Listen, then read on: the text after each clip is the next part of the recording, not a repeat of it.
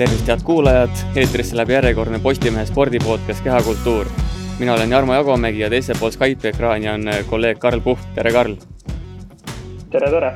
aga nagu ikka, siis äh, ei ahvata selles saates juttu vaid ajakirjanikud omavahel, vaid, vaid taas oleme külla kutsunud ühe külalise. tänaseks välja valituks osutus äh, kergejõustiklane Annika Sakarias, tere Annika! tervist! ja enne kui siin ütleme, et asja kallale, asja kallale läheme, siis teeks sellise lühitutvustuse, et eh, räägi endast ise, et eh, kuidas sind defineerima peaks, oled sa kergejõustiklane, õpetaja või midagi kolmandat või kõik need, kõik need asjad kokku? tervist kõigile, eh, olen kergejõustiklane siis neljasaja meetri ja neljasaja meetri tõkkejooksja. Eesti koondisesse olen kuulunud teatejooksudega ja vast põhjus, et miks praegu ka siia podcasti kutsuti, oli see, et mõni päev tagasi kuulutati välja Eesti Olümpiakomitee sportlaskomisjoni uus koosseis, kuhu oli väga suur äh, au ja õnn kuuluda. just ah,. ja lisaks sellele äh, käin veel tööl äh, õpetajana Jüri gümnaasiumis loodusõpetuse ja keemiaõpetajana ning olen aktiivne liige Noored Kooli kursusel, et mis on siis kaheaastane õpetajaprogramm inimestele, kes ei ole pedagoogikaharidusega. just nii on, et spordi spordi pärast me sind siia saatesse kutsusime, EOK-ga ka suur side, aga aga hakkaski siis võib-olla kuskilt sealt otsast minema, et eh, kuidas sinust sai sportlane, sporditegelane, kuidas sa spordi sisse jõudsid? Mm, no eks väiksest saati olnud selline aktiivsem, et eh, naabrilastega ronisime puu otsa ja mängisime hukakat ja nii, et siis selline spordi tegemine on osa olnud elust juba päris, päris pikka aega kergejõustikku sattusin umbes seitsmendas, kaheksandas klassis, et sõbranna kutsus endaga kaasa, et, et kui aus olla, et alguses see ei olnud üldse atraktiivne, sest et esimeses trennis me pidime nii pikalt juba jooksma, et üldse ei tahtnud seda teha, et see oli tantsija jaoks oli see päris, päris suur väljakutse, et esimesel trennil kohe mitmeid kilomeetreid joosta. aga et siis tekkisid seal sõbrad, et alguses käisin sõprade pärast trennis, siis regulaarse trenniga tulid tulemused ja sealt edasi siis hakkas asi vaikselt spetsialiseeruma ja muutus aina tõsisemaks mm. -hmm. räägigi, kuidas sul alguses minema hakkas, et kas olid selline andekas laps, kellel tuli kohe kõik hästi välja või toimus see progress nagu aastatega? see tuli aastatega. et eh, jah, alguses sai kõiki alasid tehtud, et eh, noorterühmades ikka mängitakse ja hüppad seal kõrgust ja kaugust ja ja esimesed medalid vast tulidki, tulid vist isegi teivashüppes ja sprindis tegelikult, et alguses meie treeningrühm, terve treeningrühm tegi väga palju teivast, mis oli väga tore. aga et selle kõrvalt siis ka veel jookse ja sprinti mm. -hmm. kui täna peaksid hindama, mis, mis alaga kõige paremini hakkama saaks seitsmevõistluses, kus peale, äh, kus võiks kõige rohkem punkti, punktisummat tulla, mis alal? Naiste mitmevõistluses võiks idee poolest tulla kaheksasajas. no eh, selle neljasaja meetri küüsise põhjalt, aga tegelikult, mida pikemaks ala läheb, et seda, seda raskem minu jaoks on ja sprintidega on nii, et eh, loomu poolest on mul reaktsioon hästi aeglane võrreldes teiste sprinteritega. et selline kestvussprint on just selline kuldne kesktee minu jaoks ütlesid, et eh, seitsmendas, kaheksandas klassis alles jõudsid kergejõustikuga trenni, aga enne olid lihtsalt aktiivne, et eh, kas see nagu näitab mingis, mingis mõttes ära, et eh, selline väljas jooksmine, iga kõige tegemine tuleb, tuleb igal juhul kasuks, ükskõik mis sporti sa lõpuks, lõpuks teed? ja et seal nooremast peast sai ikka kõik trennid läbi käidud, show, tants, isegi kaks tundi breiki, korvpall, sulgpall, käsipall et peotantsus käisin pool aastat, et kõik sai läbi proovitud, aga polnud miskit sellist, et kus tunned, et ja, et ma tahaks sinna minna ka siis, kui ma olen metsikult väsinud ja motivatsiooni ei ole, et, et kergejõustik oli see koht. Ja ma arvan, väga suur roll oli sõpradel, kelle pärast ma alguses üldse hakkasin käima, sest ega see kerge ei ole hakata jooksjaks, kui muidu pole harjunud seda tegema mm. -hmm. rääkisid esmalt, et ega sulle alguses seal kergejõustikutrennis nii väga ei meeldinud, et päris raske oli. ometi oled sa tänaseks jäänud kergejõustiku juurde päris pikaks, et teame ju, et päris tihti juhtub sellist asja, et noored gümnasistid, kes kooli ära lõpetavad, lähevad nagu ala jaoks kaotsi, et enam kergejõustikuga edasi ei tegele. sina oled siin juba päris pikka aega Eesti kergejõustikumaastikul tiiranud, et oskad öelda, et äh, miks otsustasid nagu täisealisena jääda kergejõustiku juurde mm.?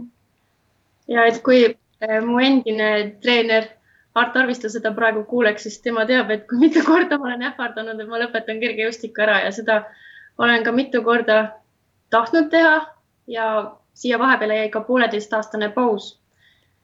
et muidu mulle trennid iseloomu poolest meeldivad, et mulle meeldib vaeva näha ja mulle meeldib see tulemus, et kui sa teed iga teisipäev kolmesajaseid lõike ja siis kuu-kahe pärast sa tunned seda vahet, et see on niivõrd rahuldust pakub, et see väga meeldib mulle, et pingutusele järgneb siis ka reaalselt märgatav areng.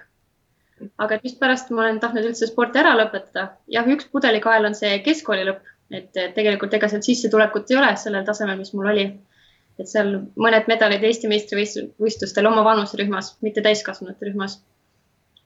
et jah, see on rohkem selline, vabandust, südameasi mm,. tahtsingi pärida selle kohta, et äh, neljasaja meetri jooks ja neljasaja meetri tõkke jaoks on iseenesest suhteliselt ebameeldivad alad. ütlesid ka, et lõigutrenni peab palju tegema, et enamikele inimestele tundub suht mõistetamatu, et miks peaks ennast niimoodi piitsutama, et võiks ju valida mingi kergem ala, et mis sind selle neljasaja meetri jooksu juures siis äh, motiveerib ja miks, miks sa iga päev selle jaoks trenni teed, et peale finišisirget paha olla oleks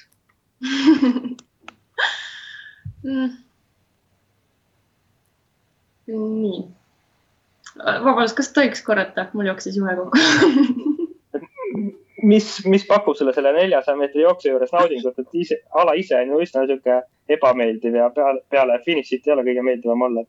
mis see põhjus on, miks just see ala? Eh, noorest peast tegelikult mu lemmikala on üldse kakssada meetrit, aga seal on konkurents niivõrd suur. ja et see tuli natuke strateegiliselt, et nelisada tõket tuli ellu ülikooli ajal, kui sai Äh, mägede trennis käidud ja seal oli universiaadivõistluse norm kuuskümmend neli sekundit. et kui võtta nüüd puhta neljasaja meetri ja tõkkejooksu äh, need vahed, et see tundus selline käegakatsutav ja sealt hakkas tulema tõkkejooks.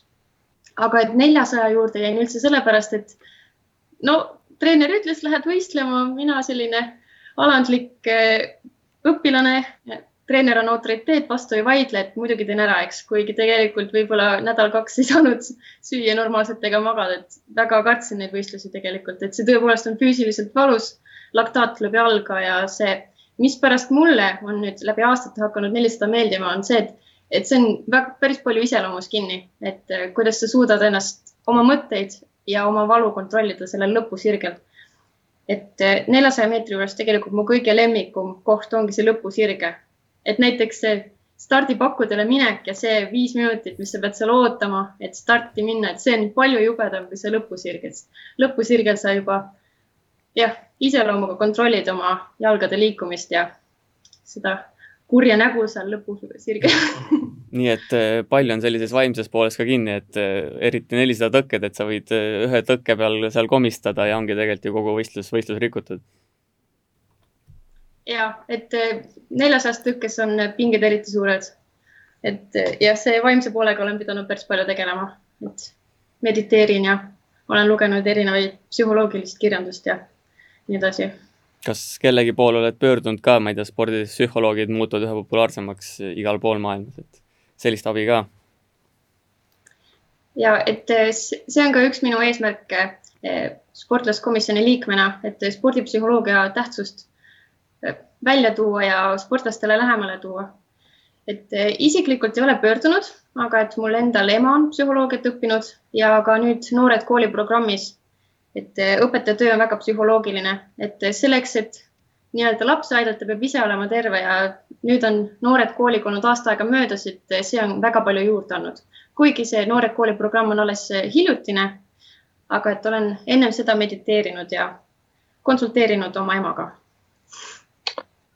tuleks korra veel tagasi sinu karjääri kooliõpingute juurde, et äh, oled ülikoolis teatavasti, täna on sul biokeemias magistrikraad ja ütlesid, et töötad õpetajana, et räägi, kuidas oli ülikoolis käia sama ja samal ajal Eesti mõistes ikkagi äh, selliselt üsna tipptasemel sporti edasi teha, et oli nagu need eeldused äh, äh, olemas, et ülikooli kõrvalt sporti teha. no teame näiteks ju, et et Eesti sportlased lähevad tihti Ameerikasse, et ütlevad, et seal on nagu see kooli õppetöö ja sport paremini integreeritud, et kuidas, kuidas Eestis oli siis kooli kõrvalt ülikool, spordiga tegeleda mm.?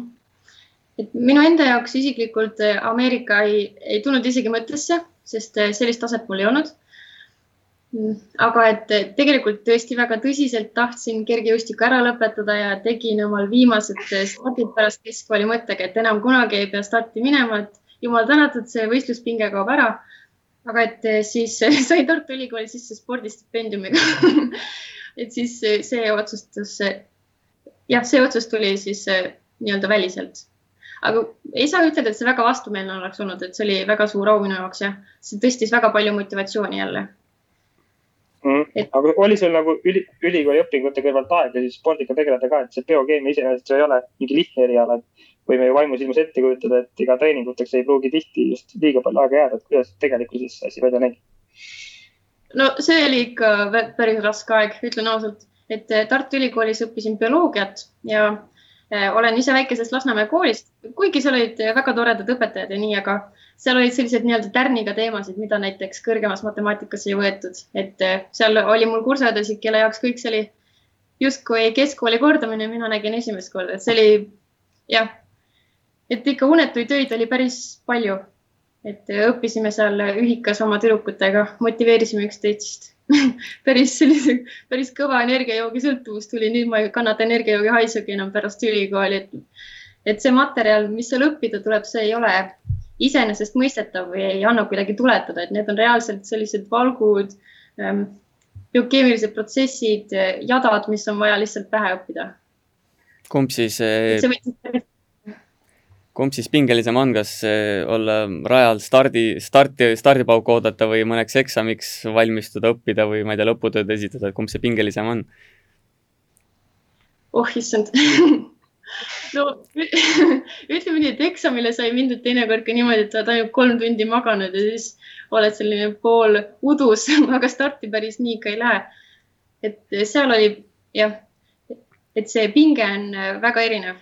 võistlustel on jah, selline, et näiteks kui on rahvusvahelised võistlused, mis siin oli suvel, oli Euroopa karikas Horvaatias see on ikka niimoodi, et paar päeva ikka raamatut lugeda ei saa, et oled nii närvilised, read hüppavad, et vot selle jutu põhjal tundub, et see spordipsühholoogia on ikka päris oluline, eks, et oleks võib-olla võinud psühholoogi juurde minna varem või nii, aga, aga ei tea, see on mõlemad pingelised, aga seda eksami pinget ma enam väga ei mäleta, et viimane eksam oli mul viis aastat tagasi, et sellest on päris palju aega möödas vaadates su alade valikuid nii, nii spordis kui ülikoolis, et siis sa vist ei ole selline, kes väga, väga kergete lahenduste teed läheks või, või midagi lihtsalt tahaks saada elust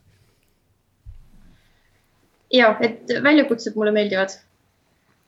et see, see tõesti äh, jah, paneb ka unetust peast äh, missioonitundest tööle, et kui sa teed asja, mis sulle väga meeldib. Kui nüüd spordi juurde korraks tagasi tulla, siis mis eesmärgid sul veel spordis on, mis sihtidega sa treenid, võistled, et ütleme, et selliseid Euroopa ja maailma mõistes suuri tulemusi sul ikkagi ette näidata otseselt ei ole? ja et praegu olen käinud tiitlivõistlustel, kas siis näiteks klubide karikal või siis Euroopa mängud olid eelmine suvi. et see oligi üle pika aja, tegelikult viis aastat ei olnud selliseid rahvusvahelisi tiitlivõistluseid olnud, et Balti matš oli, et mis on kolme riigi vahel siis, eks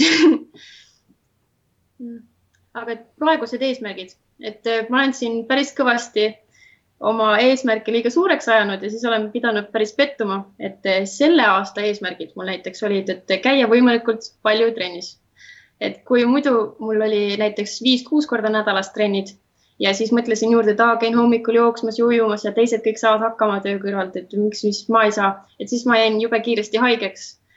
ja siis äh, järk-järgult võtsin oma eesmärke madalamaks ja nüüd on siis äh, eesmärk nautida protsessi ja teha kava järgi kõik treenid ära, mis treener ette annab, et ei hakka ise midagi juurde pigistama, et lihtsalt naudin protsessi ja teen seda, mis meeldib.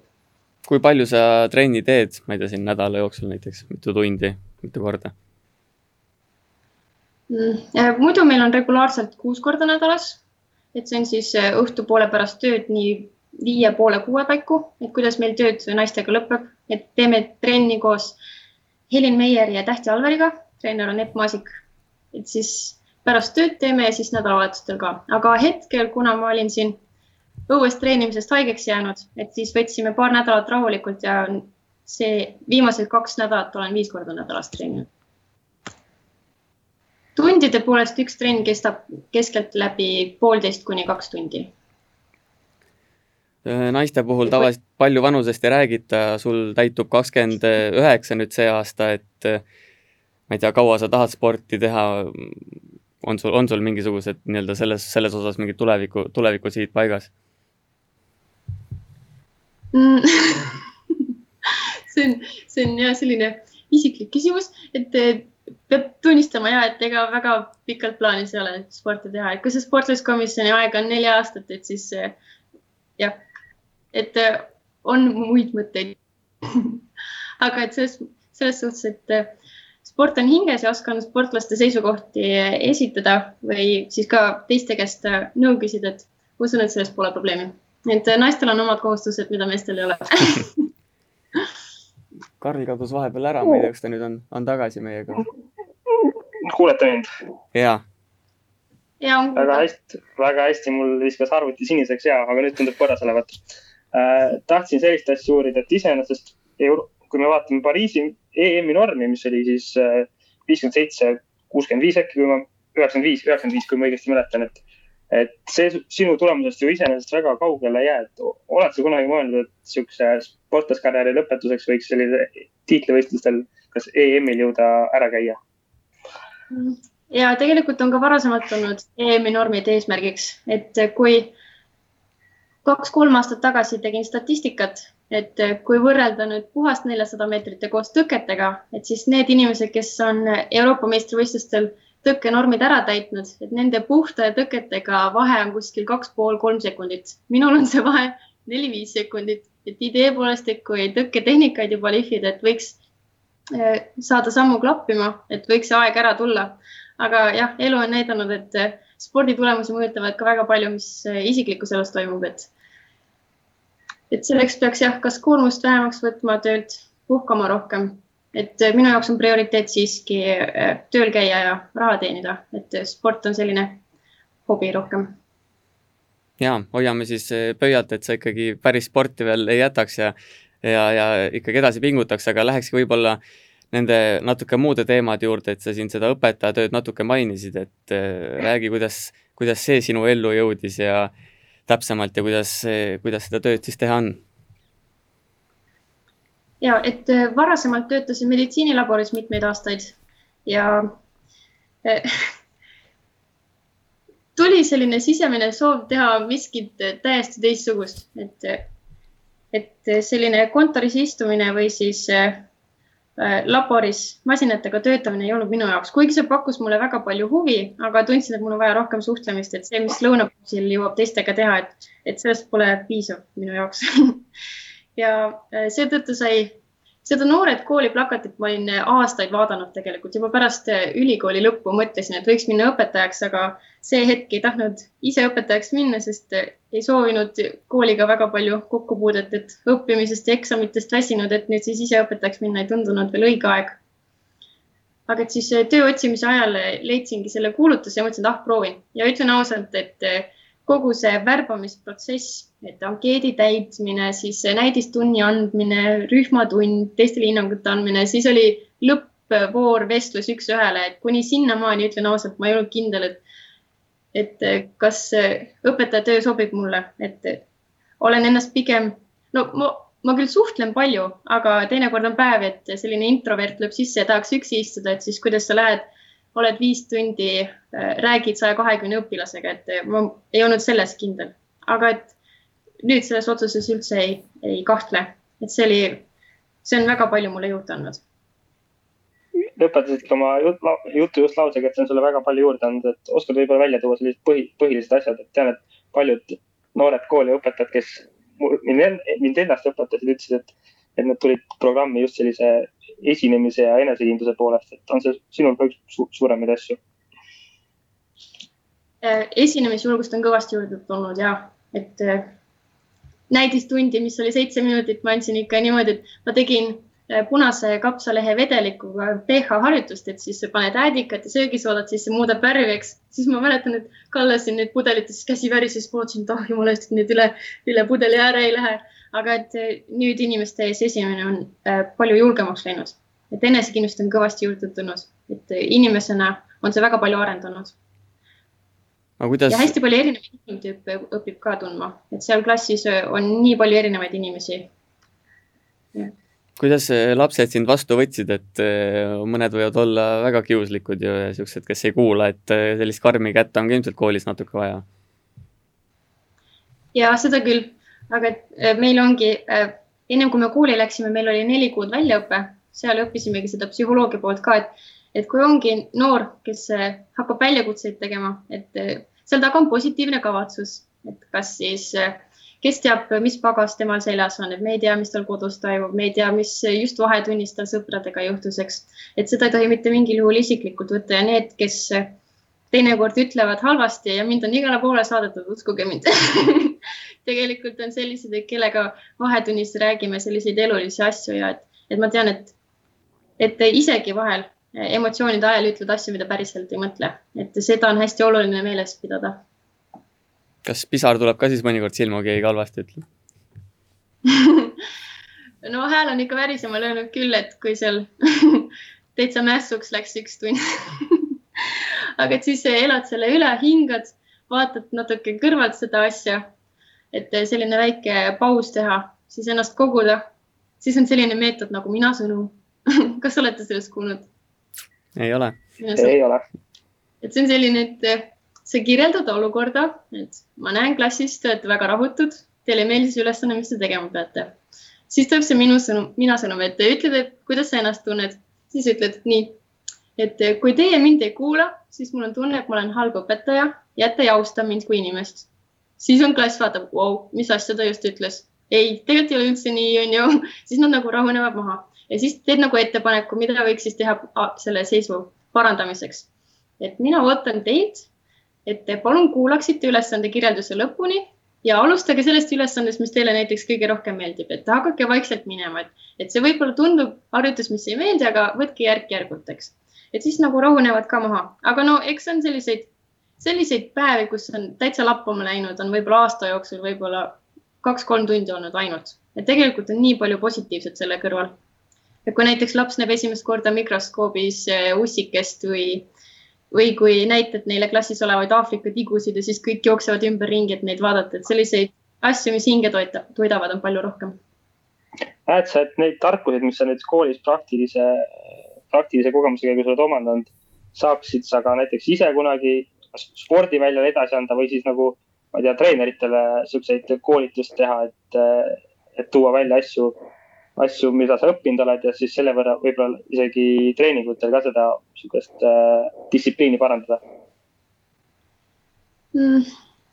ja seda distsipliini, distsipliini kohta ei oska kommenteerida, sest meie treeningrühmas on äh, kolm täiskasvanud naist ja teinekord satume ka keskkooli õpilastega ühes trennis olema, et nemad on väga toredad, et seda poolt ei oska kommenteerida, aga et noored kooli on endaga kaasa toonud selliseid kamba vaimu ülesandeid, harjutusi, et kui meil näiteks Kergejõustikuliiduga on olnud koondise laagreid või alaliidu laagreid, et näiteks hüppajad, jooksjad, sprinterid, nii edasi. et äh, olen neid mänge seal läbi viinud. ja näiteks ka Euroopa mängudel ennem äh, teist päeva tulime siis koondisega kokku ja siis tegime ka ühte karjumisharjutust mis oli väga naljakas. kui ma seda videot nüüd näen, keegi näitab mulle, siis ma hakkan lihtsalt nii kõvasti naerma, sest ennast kõrvalt vaadata on päris piinlik aga see hetk oli selline, oli tunda sellist kambavaimu, mis oli väga tore. ma küsiks siis teistpidi, et eh, kui palju see sportlase taust oli kasuks õpetaja tööle?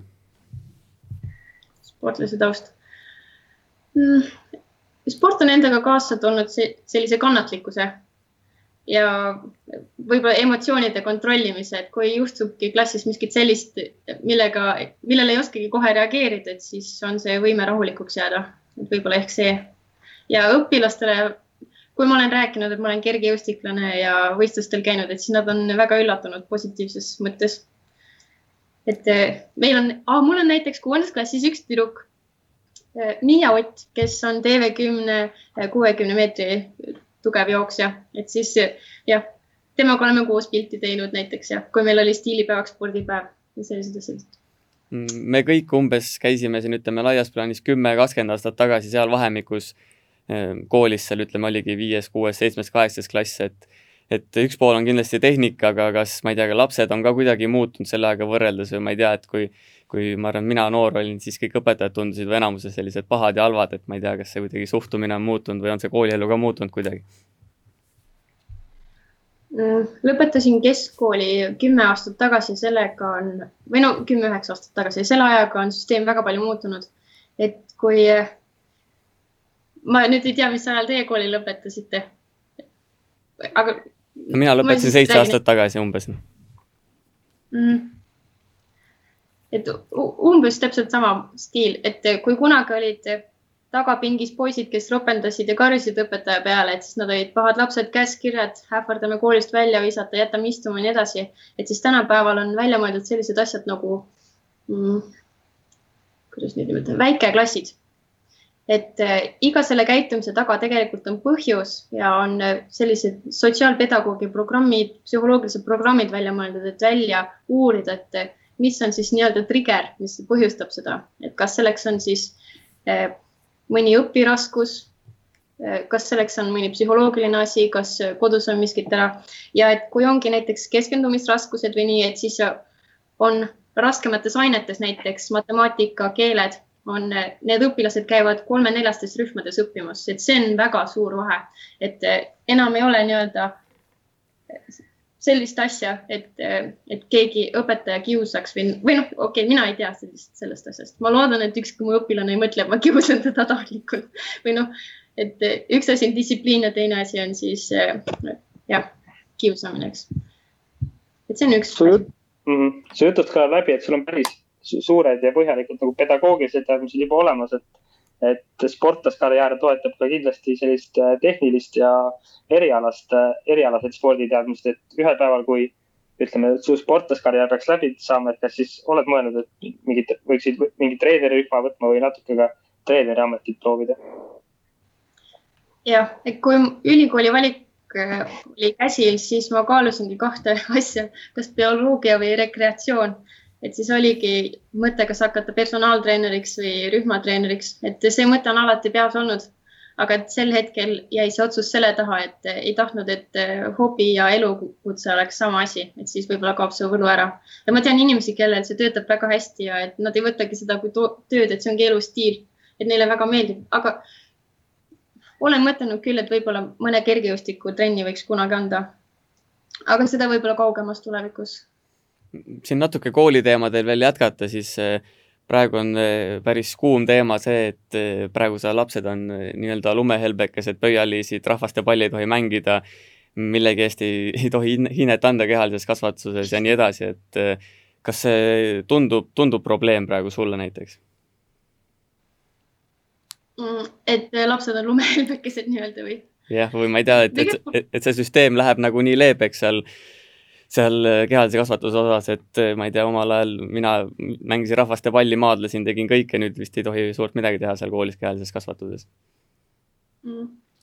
aga äh,, aga ma võin arvata, et sulle vist meeldis ka kehaline kasvatus, jah? jah. kas sul on näiteks mõni tuttav, kellele ei meeldinud kehaline kasvatus? mõni kindlasti leidus. aga mulle ei meeldinud matemaatika ka näiteks, aga ma pidin ikka samad asjad ära tegema näiteks ma omast käest võin ütelda, et meie klassiõdedel oli päris suur trauma üle hobuse hüppamine näiteks. et see oli, meelega jäeti dressid koju, ei, ma ei saa kaasa teha, et, et mõne inimese jaoks, kellel ei ole sellist tausta, et spordis ongi see, et oleneb väga palju, mis on juba põhi all. ja see on niivõrd erinev ja ei saagi sama malli järgi kõiki mõõta. et selles mõttes olen väga poolt, et, et kehaline kasvatus näiteks Äh, hinnatakse arengut, mitte mingit kindlat numbrit.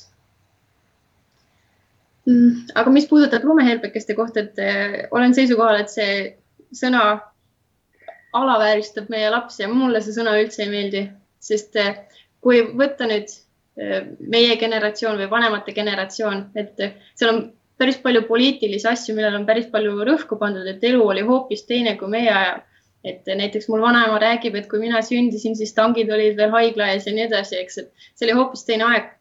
tänapäeva noored on e-, e-, kasvanud üles turvalises keskkonnas, kus eh, nende elu keerlebki sotsiaalsete oskuste ümber, sotsiaalse staatuse ümber, et nende jaoks on kõige olulisem asi sõbrad ja mis nad nendest arvavad ja mis nemad nendest arvatakse.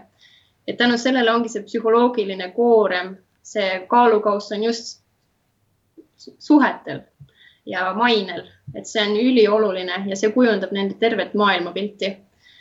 et seetõttu ma leiangi, et see on väga oluline eh, kohan, kohaneda nendele ja tullagi, anda järgi mõndadest kohtadest ja samas nad on teistes kohtades jälle väga võimekad. et kui ma vaatan näiteks õpilasi, kes mul tunnis on võib-olla energilised ja ei suuda võib-olla istuda, no hästi toredad õpilased, aga hästi energilised. aga kui nad tulid mu klassi näidendit harjutama, kui täpselt. üks ütles stopp, ei uuesti, sa pidid seal seisma ja nii edasi, et, et neil on hästi tugevad juhi omadused tegelikult, et neil on jah, et, et see, see ütlus näiteks, et aa, et noorus on hukas, seda on kuulnud ka meie vana-vana-vanavanemad, et see käib ajaga kaasas, et see, sellist asja tegelikult ei ole, et noored on nii-öelda pehmeks läinud, vaid neil on hoopis teine maailmapilt kui teistel generatsioonidel aga, aga näed sa, et Jüri gümnaasiumis, kus sa töötad, et on tulnud selline uuem koolkond õpetajaid, no kasvõi kehalises siis, et kes lähtubki sellisest uuema, uuema aja meetoditest või on ikka sellist nõukogude ajast pärit sellist õpetamisstiili veel kohtab siin-seal mm.? kas tohib küsida, mida pead silmas vanakooli õpetamisest no ütleme kehalise puhul just nagu näiteks see normatiividest lähtumine ja hinnete panemine ja noh, kõik see mm,. kui ausale, selle vastuse jään võlgu, sest pole väga kursis, mis kehalises kasvatuses toimub. ma tean, kui võistlused toimuvad, siis me käime klassiga vaatamas, aga hindamissüsteemi ei, täpselt ei tea. jah, kokkuvõttes ma olen. aga mis, et see, selles mõttes ma saan aru, et näiteks liikumist soodustatakse väga palju tundides, hästi palju programme on. liikuma kutsub kool, et näiteks vahetundides on plakatid ja asendustegevused eh, mobiiltelefonis istumise asemele. Eh, näiteks mingisugused mängud või sellised rullalauad, millel on rataste asemel kummipallid ja, ja tundides on, soovitatakse kasutada erinevaid meetodeid, et näiteks kordamisküsimused, kas vastus on tõene või väär, et tõsta parem käsi, kui see on tõene, tõsta vasak käsi, kui see on vastupidi. et selliseid harjutusi ja mänge on hästi palju. siis ja. on kiusamisvaba kool, siis on, neid asju on hästi palju, mida saab integreerida tavalisse õppesse. jah, et kokkuvõttes ma olen kahe käega kirjutan alla, et see oli ka natuke selline provotseeriv küsimus, et loomulikult kõik, kõik kasvavad ikkagi, ikkagi omas ajas ja, ja ei saa kellelegi nii-öelda liiga teha, aga aga kui nüüd edasi liikuda, siis sa oled siin umbes aasta jagu olnud õpetaja, aga aga juba pidid ka ütleme sellise päris uudse olukorra siis läbi käima oma siin lühikese nii-öelda õpetajakarjääri jooksul, et eh, pidid hakkama ka siin nüüd koroona ajal õpetama, et kas siis töö käis, töö käis läbi arvutite ja Skype'ide ja, ja nii edasi mm.? Mm, ah, see ja, vabandust, ma ei mõtelnud sind üldse rünnata selle lumehelbekeste teemaga, et igalühel on õigus oma arvamusele, et see on täiesti normaalne vabandan, kui see tundus väga ründavalt, aga mm, et eh, kuna ongi just see õpe, väljaõpe on olnud meil nii värske, siis tegelikult eh, usun, et meie jaoks, kes me just oleme kooli tulnud, et eh, oli võib-olla isegi lihtsam, sest eh, minu jaoks võttis kõige rohkem aega ja energiat just nende erinevate isiksustega tegelemine, et kui ma olen harjunud seal hommikust õhtuni arvuti taga meilidele vastama ja nüüd tegelen nii paljude emotsioonidega, mis tulevad täiesti nagu välkselgest taevast, et et see oli minu kui uue õpetaja jaoks kõige suurem väljakutse ja nüüd, kui tuli koduõpe, et siis ma sain palju rohkem aega pühendada tunni ettevalmistamisele ja keskkondade tutvumisega ja ülesannete esitamise peale. et üks pool ongi klassis saada lapsed nii-öelda tööle, kuidas see nüüd läbi arvuti käis, kas oli veel raskem või ma ei tea, oli see kuidagi lastele ka teistmoodi, et oli äkki lihtsam isegi ja mõnusam kuidagi mm,? koolid on hästi erinevad ja meie koolis oli selline süsteem, et, et meil ei, tun, ei toimunud tunnid tunniplaani alusel, vaid me andsime neile ülesanded ette, et mina õpetan alates siis kaheteistaastaseid. et et kui on näiteks nooremad klassid, siis neile sellist asja ei saa teha, aga et juba vanemate klassidega saab ja et siis nad said esmaspäeval, no mina andsin näiteks nädalaks neile harjutused ette, et nad võisid ise oma aega planeerida, et kui on tuju, teevad poolteist tundi järjest ära terve tund, terve nädala materjalid ja siis esitavad selle. et selle arvelt nad said ise oma aega planeerida, aga on ka neid, kelle jaoks aja planeerimine oli just kõige suurem väljakutse ja praegu ongi nende hüüumärkide ja kodutööde järelvastamiste aeg, et mõnel on seal selline koorem tekkinud, et, et nüüd on jälle väga raske, et see täiesti sõltub ka inimesest. tahtsingi just sellesama teema kohta küsida, et paljud õpetajad mujal Eesti koolides on välja toonud, et distantsõpe on soodustanud siis trendi, et nõrgemad eh, jäävad järjest nõrgemaks või jäävad järjest rohkem maha, et oled sa oma kogemusest ka midagi sarnast täheldanud mm.? no minul jälle on vastupidine näide tuua, et näiteks õpilased, kes tunnis ei suutnud keskenduda, et klassis toimus nii palju, et nende hinded on näiteks palju paremaks muutunud. noh, eks siin on jälle see koht, et ei saa kontrollida, kas ta tegi ikka ise ja nii edasi. aga et, et kui, et on näha, et inimesi, kellele muidu suur seltskond ei sobinud, et nendel läheb paremini ja need, kes vajavad individuaalset õpet, et nendega sai teha videotunde üks-ühele ja et meil ka eripedagoogid said nendega tegeleda. ja et näiteks tundide asemel, et, et nad ei peaks kogu aeg lugema, siis ma tegin selliseid videotunde ka, et nad said vaadata sel hetkel, kui ise tahtsid, et ei olnud, ei pidanud hommikul kell kaheksa arvuti taha istuma, vaid võisidki seal kell üksteist ärgata ja siis videot vaadata ja kui aru ei saanud, saavad tagantjärgi vaadata nii mitu korda, kuni lõpuks aru saavad, et iseenesest jah, meetodeid on erinevaid mm. -hmm. ennem küsisin, natuke proovisin pärida nende vanema generatsiooni õpetajate kohta, et kas sul sellist distantsõppe kogemuse põhjal on tulnud näiteks anda vanematele kolleegidele mingit tehnikalast nõu, et kuidas mingeid videotunde läbi viia või mingeid kaasaegseid rakendusi kasutada, et kas sa oled saanud oma sellist äh, noore põlvkonna selliseid IT-teadmisi teist, teistele õpetajatele nagu üle kanda mm.? et meil on suhteliselt suur kool, kus on väga palju õpetajaid ja meil on eraldi haridustehnoloog kes äh, tegi erinevaid juhendeid, loetelusid, äh, konsulteeris, et äh, seal minu poole otseselt ei pöördutud abiga. et aga, et meil on jah, haridustehnoloog, kes väga intensiivselt tegeles sellega mm,. ja tänapäeval on õnneks ka Youtube'is päris palju juhendeid, et ongi näiteks selline keskkond nagu Google Classroom, et kuidas kodutöid üles laadida, siis seal on kõik juhendid olemas. küll inglise keeles, et mõni õpetaja on selline, kes ei, kes ei räägi inglise keelt aga nemad kasutasid teisi vahendeid ka, tuttavaid keskkondasid juba pigem. kui see koroonakriisi aeg nüüd kokku võtta, siis see eriolukord eh, natuke üle kahe kuu siin, siin Eestis ke kestis, et räägi, kuidas sul see kogu periood läks, ma ei tea, nii oma õpetajatöö, sportlastöö kui ka, ma ei tea, igapäevaelu osas, et ma ei tea, tuli sul ka mingi selliseid raskemaid hetki, kui, kui, kui enam ei viitsinud kodus olla ja nii edasi? ja see, eks siin olidki tõusud ja mõõnad et eh, üldpildis, kui aus olla, mulle see väga meeldis, sest sellega võitis nii palju aega, et juba see, et sa ei pea hommikul pool tundi või kolmveerand tundi tööle sõitma ja siis tagasi ja siis jälle Nõmmele trenni ja nii edasi, et seda transpordikulu läks palju vähemaks, sellega võitis ajaliselt. tänu sellele sai kauem magada. Ütlen ausalt, et, et soengu tegemise ja meigi tegemise arvelt võitis ka päris palju aega, et oli palju rohkem aega puhkamiseks aga see koroona tõi endaga kaasa selle, et me pidime siin, noh, mitte ainult mina, eks kõik sportlased äh, siin päris jahedates tingimustes äh, tunde veetma, et mina jäin ise siin päris tõsiselt haigeks.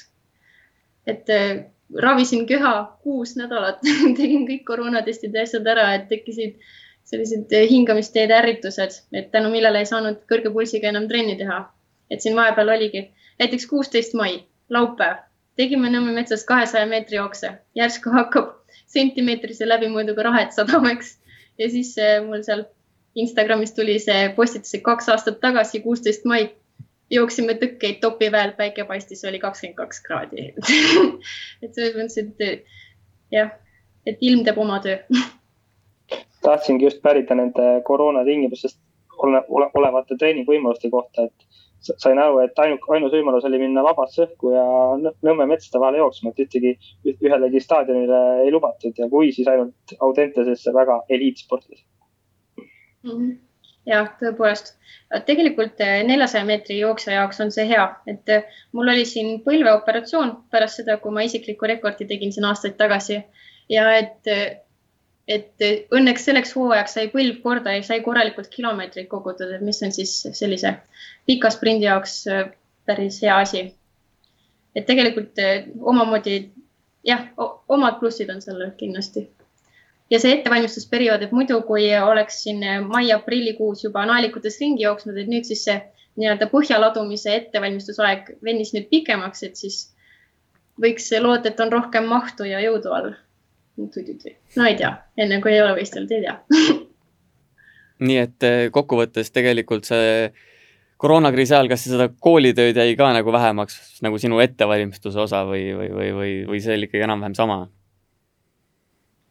Mm. võiks öelda, et töötundide arv jäi pigem samaks. et eh, siin pidi, alguses läks aega, et nende keskkondadega tutvuda, neid netiteste koostada, ise need läbi teha. Aga et nüüd on juba rahulikum, nüüd on maikuu, et nüüd on juba palju rahulikum äh, jõuakski siit siis selle, selle teemani, mis sa enne juba välja reklaamisid ka, et et oled siis EOK sportlaskomisjonis, et eh, selgita võib-olla kõige üldisemalt, et mis see, mis see üldse tähendab, et kõik aru saaksid täpsemalt.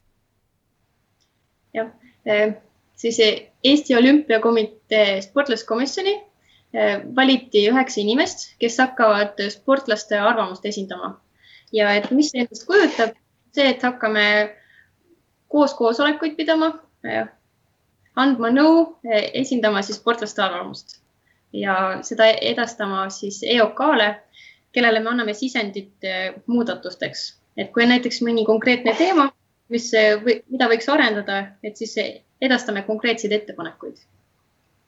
aga kas? Siit on hea just tulla natuke korra veel tagasi selle koroonakriisi juurde, et mis sa hindad, et kuidas sportlaste vaatest selle koroonakriisiga hakkama saadi, et kas Äh, tipp, meie tippudel oli ikka piisavalt äh, selliseid treeningvõimalusi, et okei okay,, kergejõustikatel oli võib-olla lihtsam, aga et kas järgmine kord oleks mingeid asju, mida võiks võib-olla, milleks paremini valmis olla ja mida teisiti teha? Jooksjatel on jah, selles suhtes lihtne, et see on suhteliselt odav ala, et sa võid seda ükskõik kus teha, et isegi halva ilmaga paned paksult riidesse, et me oleme siin isegi miinus kümne kraadiga seal krosse jooksnud, et eestlaste jaoks ei ole midagi uut kuigi jah, soe ilm kindlasti soodustab, et näiteks viie kraadiga täismahuga sprinti ei tee, et see on juba ohtlik lihastele. aga soovitusi, kuidas paremini teha, hetkel ei oska küll teha. näiteks jah, sotsiaalmeedias käis läbi, et näiteks Erki Noole kergejõustikukool tegi selliseid Zoom stiilis üketrenne, et kus nägid kõiki õpilasi ja, ja ja meie oma trenniga saime ka nii kokku, et väikestes puntides nüüd siis, eks alla kümnestega, et saab kuus kilomeetrit koguda. soovitusi ja ei ole. no jah, võib-olla väljakualade inimestel on muidugi raske, et ja kaugust hüpata kuskil liiva sees, et päris jah, jooksusammu ei saa kätte ja nii edasi. Mm, natuke. usun, et jah, ujujatel näiteks on palju keerulisem see seis et ma nüüd natuke täpsustan seda sportlaskomisjoni asja veel natuke, et eh, te saate põhimõtteliselt siis pakkuda ettepanekuid, aga sellist nii-öelda täidesaatvat võimu teil otseselt ei ole, et eh, põhimõtteliselt te pakute välja ja keegi ülevalt poolt otsustab siis, kas nii juhtub või ei juhtu? ja peaks olema küll nii. meil on esimene koosolek viies juuni, et siis saab kõigest täpsemalt teada, aga meil Kergejõustikuliidu sportlaskomisjonis käis küll nii aga et eh, võib kogemusest ütelda, et eh, ollakse väga vastutulelikud. sportlaskomisjoni esimees Gerd Kanter ütles, et sel, sel korral olid äh, kandidaadid väga tugevad ja tegu on aegade kõige kõvema koosseisuga, et ta oli väga rahul ideedega, mida äh, komisjoni pürgijad siis esitasid, et mis need sinu ideed, teemad olid, sinu sellised murekohad, et sa spordipsühholoogia tõid juba välja, et kas midagi veel mm.?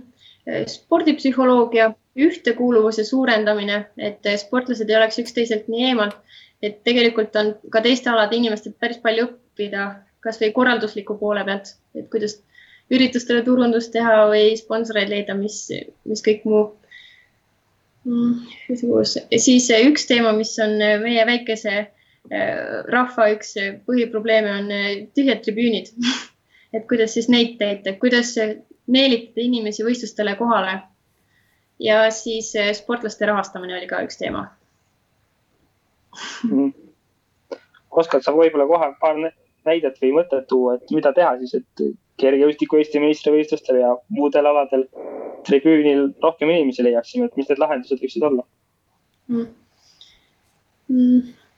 ja et äh, väga siin ei julge muljetada, sest et äh, see on kõik kindlasti läbirääkimiste osa, aga see, mis ma omalt poolt tahaks rõhutada, et, et näiteks kergejõustikuala koha pealt et eh, seal sportlased võib-olla jooksevad kümme sekundit ja ei teki selline suhestumine, et peaks panema rohkem rõhku sportlaste tundmaõppimisele, et kas siis eh, rohkem sotsiaalmeedia kajastusi, intervjuusid, podcast'e ja nii edasi, et tekiks suhestumine, et on, kelle poolt olla.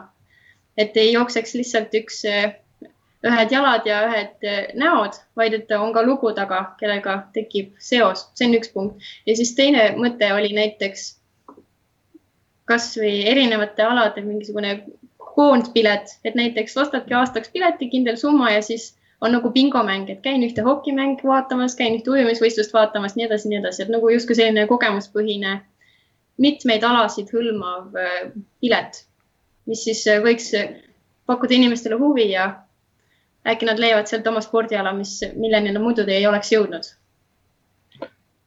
Mainisid ka juba sportlase nähtavust ühiskonnas, et vaatasin ise, sa oled sotsiaalmeedias väga aktiivne, et Instagramis on sul peaaegu Eesti kergejõustiklastest kõige rohkem jälgijaid, et eh, kui oluline nagu juba natuke mainisid ka, et sinu jaoks on oluline, et kas see võiks nagu olla ka, kas see võiks nagu olla ka selline järjest rohkem suund, millele sportlased nagu mõtlevad, et eh, ennast äh, ennast äh, just nagu sa ütlesid, et äh, publikuni viia, et ei oleks ainult nii, et sportlane teeb aasta otsa kuskil nurga taga trenni, siis jookseb Eesti meistrivõistlustel kümme sekundit ära ja siis jälle keegi tast aasta otsa midagi ei tea, et laienda seda mõtet ole hea natuke mm.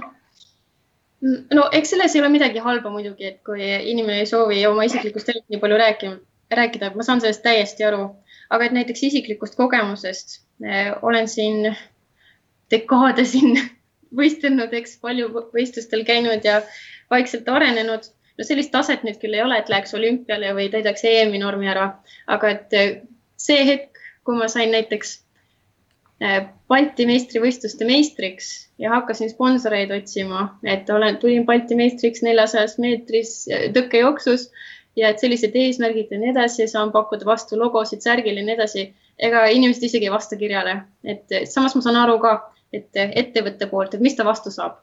et minusugune inimene ei paku väga meediakajastust, ei käi uudistes, ei ole ajalehes. et siis ongi see sotsiaalmeedia selline platvorm, kus sa saad oma sponsoritele kajastust teha ja et näiteks kergejõustikuliidus on õnneks preemiasüsteemid, kui saad ühele tiitlivõistlusele, saad ettevalmistuseks natuke raha ja nii edasi. aga et selliseid sponsoreid kui nii on tulnud mul ainult läbi Instagrami aga see trend vist vaikselt on tõusmas ka, et läbi sotsiaalmeedia ennast rohkem näidata, et ma ei tea, siin kohe tulevad Magnus Kirt võib-olla silme ette, Õlme Võro, Janek Õiglane, et äh, tegelikult vist, vist on rohkem vaikselt pilti, pilti hakanud tulema neid ja ütleme nii, et see sotsiaalmeedia kasutamine inimkonna nii-öelda vananemise või muutumisega muutub üha suuremaks ka mm. Et jah, et see reklaam hakkab aina rohkem jah, sotsiaalmeediasse kolima, et enam selliseid plakateid majadel või, või siis kasvõi ajalehes väga ei vaadata, et näiteks ajaleheski tulevad bännerid ette kohe ja otsid seda X-i, et saaks kinni panna, eks, et aga see, et sportlased seda rohkem teevad, see hakkab muutuma aina rohkem normaalsuseks, et hakkab tavaliseks juba muutuma, et alguses see võis tunduda hirmutav. Ja ütlen isegi, et päris kõvad ärevushood on tulnud teinekord, et paned üles sellise pildi, milles ise kõhkled ja siis kujutad ette, et kõik pööritavad silmi ja räägivad halvasti, et see on täitsa nagu teema, see on täitsa äh, täiesti diagnoositav ärevus, mis võib tekkida selle sotsiaalmeediaga, et see on ka üks selline jah, üks nii-öelda lumehelbekeste probleem, mis on täiesti reaalselt olemas mm. -hmm Äh, mainisid, et sinul on sotsiaalmeediast päris palju kasu olnud, et oled teinud ka sponsorid ja noh, nagu ütlesime, et sul on üle kuue tuhande jälgija seal, et oskad sa võib-olla öelda mingile alustavale sportlasele, kes sotsiaalmeedias veel, veel väga aktiivne ei ole, aga tahaks proovida, et mis need võib-olla paar sellist näpunäidet võiksid olla, et kuidas nagu asjaga pihta hakata mm. ja mida vältida? ja et alustuseks sooviks julgustada eh, kõiki inimesi postitama eh, tervisliku eluviisiga seotud postitusi, et see võib mõne jaoks olla juba väga tüütu, ma tean inimesi, mul omadki tuttavad ei jälgi mind enam, sest nad ei viitsi seda jooksujuttu kuulata, ma saan aru, et see ei tähenda, et me enam sõbrad ei ole, selles mõttes, et see on täitsa okei. Okay.. aga et ka, et mis on olümpiakomitee üks spordihartasid, et on see olümpialik käitumine, kuidas on siis see puhas sport, aga et mis on siis see jumal, mille poole siis kõik sporditegelased kummardavad, on see, et siis inimesed hakkaks tervislikumalt käituma, rohkem liikuma, oma toitumist jälgima, et see on ka üks põhjus, miks on meil rahvakangelased nii olulised, ühtekuuluvuse tunne ja siis see tervislik eluviis. et julgustan kõiki inimesi, kes oled sa alustav juba maailma tasemel või, või lihtsalt kolme lapse ema, kes hakkab esimest korda tennist mängima, et julgelt jagage neid emotsioone, mis teevad teid rõõmsaks ja julgustage teisi sporti tegema. et näiteks eh, isegi olen saanud inspiratsiooni, et sõbrannad postitavad, käivad päikeseloojangu ajal jalutamas, kui mina tavaliselt istun eh, teleka ees ja vaatan uudiseid või nii. et siis eh, tuleb mõte, aga tegelikult see on, mis siin ikka, et lähed jalutama, eks, et see nagu motiveerib inimesi. aga kui palju on seal sotsiaalmeedias võib-olla sellist, mis on äh, mis on nagu nii-öelda teeseldud ja ei ole, ei ole päris nii, nagu sealt välja paistab, et eh, ma välismaal on ilmselt rohkem sellist asja, et võimalikult eh, ilusaks ennast nii-öelda töödelda. jah, kõik need Photoshopid ja et sellise ideaalse inimese kuvandi loomine, eks, et see on ka üks, mis hakkab psüühikale. aga et näiteks ise olen pannud endale Instagramis ajapiirangu, et kolmkümmend minutit, et rohkem ei vaatagi, et olen leidnud sellise piiri, et eh, kui rohkem tarbin sotsiaalmeediat, et siis eh, hakkab mu isiklikku arvamust muutma. et eh, no ühelt poolt on see julgustamine, teha sporti on hea, aga teiselt poolt, kui tunned survet, et ma pole piisavalt hea või noh, eks see on igal sportlasel see tunne, et, et kas ma olen rahul endaga kui sportlasena alles siis, kui ma olen olümpiavõitja, eks tegelikult see ei ole üldse nii. et peab endas välja tooma need punktid või nõrgad kohad ja siis neid analüüsima ja mõtlema, et miks see mind puudutab ja miks see mind häirib ja.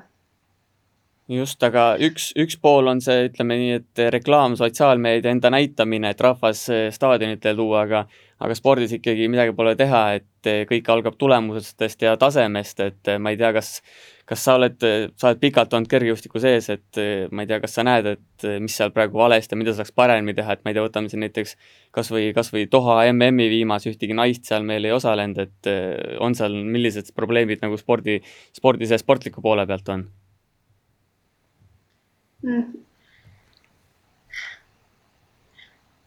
Ja, et tegelikult kui vaadata seda, kui palju inimesi meil Eestis on ja kui palju selle väikese rahvastiku kohta on meil kergejõustiklasi ja paljud neist üldse tiitlivõistlustele jõuavad, et see on väga suur saavutus tegelikult. aga et eh, mis võivad olla nii-öelda kitsaskohad, et miks, miks just naisi vähem on? no üks põhjus on kindlasti vigastused, et eh, ma ei tea, no ma ei tea kõigi isiklikke lugusid, aga eh, kipun arvama, et eestlased on sellised hästi järjekindlad ja ei taha võib-olla endale tunnistada, kui vigastus on tulemas ja siis justkui surutakse läbi ja siis võib tulla miskit tõsisemat. et see võibki olla sellest multitask imisest, et kes käib töö kõrvalt sporti tegemas ja nii edasi mm. -hmm. oled juba aastaid, nagu me rääkisime, Eesti meistrivõistlustel osalenud, et sul on pikaaegne kogemus olemas, et oled sa täheldanud, et viimastel aastatel on kas konkurents jäänud hõredamaks või vastupidi suurenenud, et kuidas sa sellist dünaamikat ajas, ajas hindaksid, et kas praegu on lihtsam medalit võita või pigem raskem hmm.? võiks ütelda, et noortel tuleb väga kihvt põlvkond peale. et kui näha, kui motiveeritud nad on ja kui palju nad rahvusvahelistelt tiitlivõistlustelt toovad medaleid, et sealt tuleb ülimotiveeritud ja kihvt kamp peale. et praegu eh, need tegelased, kes on minu jaoks tuttavad näod, et teevad endiselt väga head sporti, aga et näen väga suurt tulevikku ka uues generatsioonis. kui palju sa tunned, et jääb ikkagi raha taha, ütlesid ka, et peab siin nii-öelda multitask ima, et ma ei tea, võtame meeste näitel siin Karlo Salu, Saluri kaheksa tuhat ükssada pluss punkti mees kümnevõistluses pidi ära lõpetama, sest eh, pole raha, et eh, jääb raha taha ka ilmselt ikkagi palju, jah? Jah, et kui näiteks ongi tuttav ütleb, et lõpetab kergejõustiku ära, siis lihtsalt noogutad ja ütled, ma saan aru, et ei pea isegi küsima, miks, et et selles mõttes rahasid saavad ainult need, kes on juba olümpianormid ära täitnud või siis kandidaadid ja kui sa oled kandidaat ja normi pole täitnud, siis ka sellega nagu üüri ja söögiraha ei maksa äh,. nagu me teame, siis eelmisel perioodil või senimaani kuulus see Kergejõustikuliidu sportlaskomisjoni, et nüüd läheb veel EOK-sse sportlaskomisjoni ka, et on sul selle probleemi lahenduseks võib-olla endal mõni nagu mõte, et kuidas seda üleminekut pehmendada, et äh, ei oleks meil nii palju kadusid ja kes ja inimesi, kes peaksid nagu multitask ima mm ma arvan, et selle EOK sportlaskomisjoni üks võlusid ongi see, et nii mitmelt erinevalt alalt tuleb inimesi kokku. et kui võtta neid rahastamissüsteeme, et eh, meil tuleb see EOK-lt kergejõustiklastele see raha või siis sponsoritelt, siis näiteks pallimängudes korvpall, võrkpall on klubipõhine rahastamine ja siis näiteks Ameerikas on üldse ülikoolipõhine, et see raha või see sissetulek, mis sportlastele makstakse, tuleb siis üliõpilastel, kes maksavad siis õppemaksu, et neid süsteeme on nii palju erinevaid ja et kui meil tulevadki mitme ala inimesed kokku, et võib-olla me leiame mõne kuldse kesktee, mis võiks kõigile sobida. et see infovahetus on just hästi oluline mm. -hmm. Gerd Kanter rääkis eile ERR-is, et äh, sellist sportlaskomisjoni on praktiseeritud kahes äh, alaliidus, et üks on kergejõustikuliit, teine on ujumisliit. Ja ta tõi välja, et ta tahaks tegelikult äh, seda nagu asja laiendada, et sina kui kergejõustikuliidu sportlaskomisjoni liige oskad võib-olla välja tuua, et mis positiivseid külgi on sellest tekkinud ja et mis see teist aladele juurde võiks anda, võib-olla mõni näide, mida te ise seal sportlaskomisjonis kergejõustiku liidus olete esile ja mis on nagu ära lahendatud tänu sellele mm.?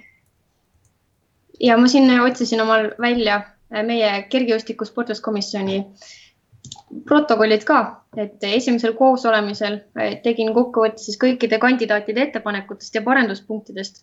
ja näiteks kasvõi selline asi, et äh, võib-olla asi, mille peale liidu inimene ise ei tule, aga sportlane tajub et eh, näiteks meil Vasara heide ei ole peaväljakul Eesti meistrivõistlustel ja et eh, sinna ei satu väga inimesi, siis eh, nüüd tehti selline asi, et toodi tribüünid sinna, et siis inimestel oleks mugavam vaadata ja et tuua publikut lähemale.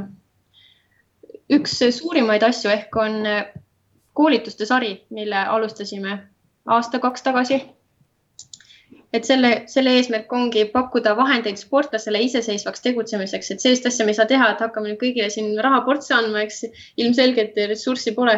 aga et eh, meil on olnud siin toit, toitumiskoolitus spetsialiseeritud just kergejõustiklastele, et näiteks see, mida peab sööma sprinter või siis eh, heitealade inimene või keskmaa jooks, jooksjad, see on väga erinev, et seal toodi siis alaspetsiifiliselt välja see toitumissoovitused, spordipsühholoogia koolitus ja siis äh, väga populaarne oli meil ka äh, Karl Lumi äh, Medpointi spordivarustuse poe omaniku koolitus, kus siis olid basseiniharjutused kergejõustiklastele. et ongi sellised asjad, et teed põlve tõsta jooksu ja viputad jalga sinna-tänna, et tegelikult ühelt poolt see hoiab liigeseid, teiselt poolt arendab plahvatust. Mm.. jah mainisid, et need, need koolitused, mis sa praegu välja tõid, on just nagu sportlastele suunatud, et Eestis on tavaliselt, et koolitused, mis alaliit välja pakub, on tavaliselt treeneritele, et näed sa, et, et ka sportlaseid tuleks nagu rohkem sellisesse mõtestatud tegevusse kaasata, et ka nendele vajalikud teadmised edasi anda, et ei saa piirduda ainult nagu treenerite harimisega ja, ja kõikidel koolitustel on meil tegelikult treenerid kaasas käinud ja nad saavad oma täiendustunde ka et treenerid kõrval konspekteerivad ja õpilased teevad äh, praktiliselt läbi selle. ja, aga hakkamegi siis äh, vaikselt otsi kokku tõmbama. võib-olla lõpetuseks räägi, mis su lähiaja kõige sellised lähemad eesmärgid on siin, ma ei tea, suve, suvejooksul näiteks, kas teed kõvasti trenni, harid ennast veel, mis, mis plaanid siin lähi, lähiajaks on ja eesmärgid? Äh, nüüd tuleb äh, mul üle viie aasta suvi, kus mul pole tööd, nii et ütlen ausalt, ootan suure elevusega seda, et muidu on kõik puhkepäevad läinud treeninglaagrite või võistluste alla. et ma ei, ma ei saa aru, kuidas minu treeningkaaslased suudavad nii, aga jah, ma olen pidanud võtma rohkem vabu päevi, et taastuda. et nüüd tuleb siis selline aasta, kus siis ei pea reaalselt tööd tegema, et jah, praegu on selline tunne, et hakkan kaks korda päevas trenni tegema, aga teades enda nõrka immuunsust, et see vast ei ole kõige mõistlikum mõte kas sel aastal tulevad Eesti meistrivõistlustel välja ja on, on meil siis lootust näha ka neljasaja meetri startides? ja, võistlen kindlasti nii tõkkes kui neljasajas meetris. ja, aga siis eh, soovimegi sulle, sulle nendes, nendes jooksudes edu, soovime edu ka, ka muudel aladel, kus sa, kus sa müttad ja tegutsed ja et siis eh, oleks kannatlikkust, külma närvi ja häid ideid siin nii EOK-s kui ka kergejõustiku sportlaskomisjonis. aitäh! suured tänud, aitäh teile! sellega tõmbamegi tänaseks kehakultuurile joone alla, oleme eetris jälle nädala pärast, kuulmiseni!